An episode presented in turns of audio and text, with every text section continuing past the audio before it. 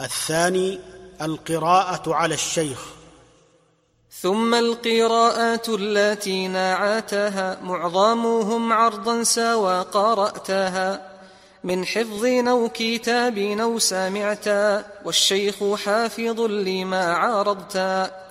أو لا ولكن أصله يمسكه بنفسه أو ثقات ممسكه قلت كذا إذ ثقات ممن سامع يحفظه مع استماع فاقتنع وأجمعوا أخذا بها وردوا نقل الخلاف وبه ما اعتدوا والخلف فيها هل تساوي الأول أو دونه أو فوقه فنقيل عن مالك وصحبه ومعظم كوفة والحجاز أهل الحرام مع البخاري هما سياني وابن أبي ذئب مع النعماني قد رجح العرض وعكسه أصح وجل أهل الشرق نحوه جانح.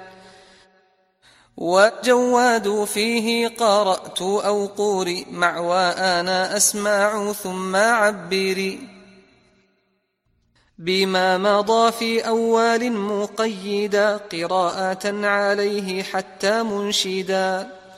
أنشادنا قراءة عليه لا سمعت لكن بعضهم قد حللا ومطلق التحديث والإخبار ما نعاه أحمد ذو المقدار.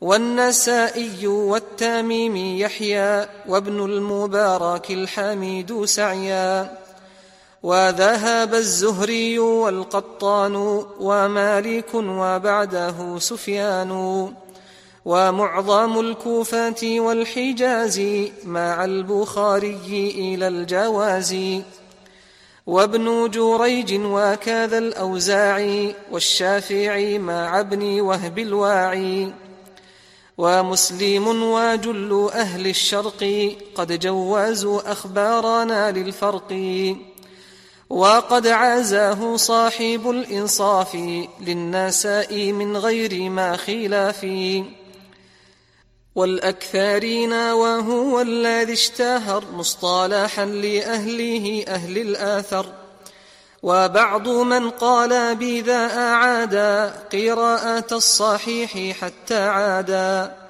في كل متن قائلا أخبارك إذ كان قال أولا حدثك قلت وذا رأي الذين اشترطوا إعادة الإسناد وهو شطط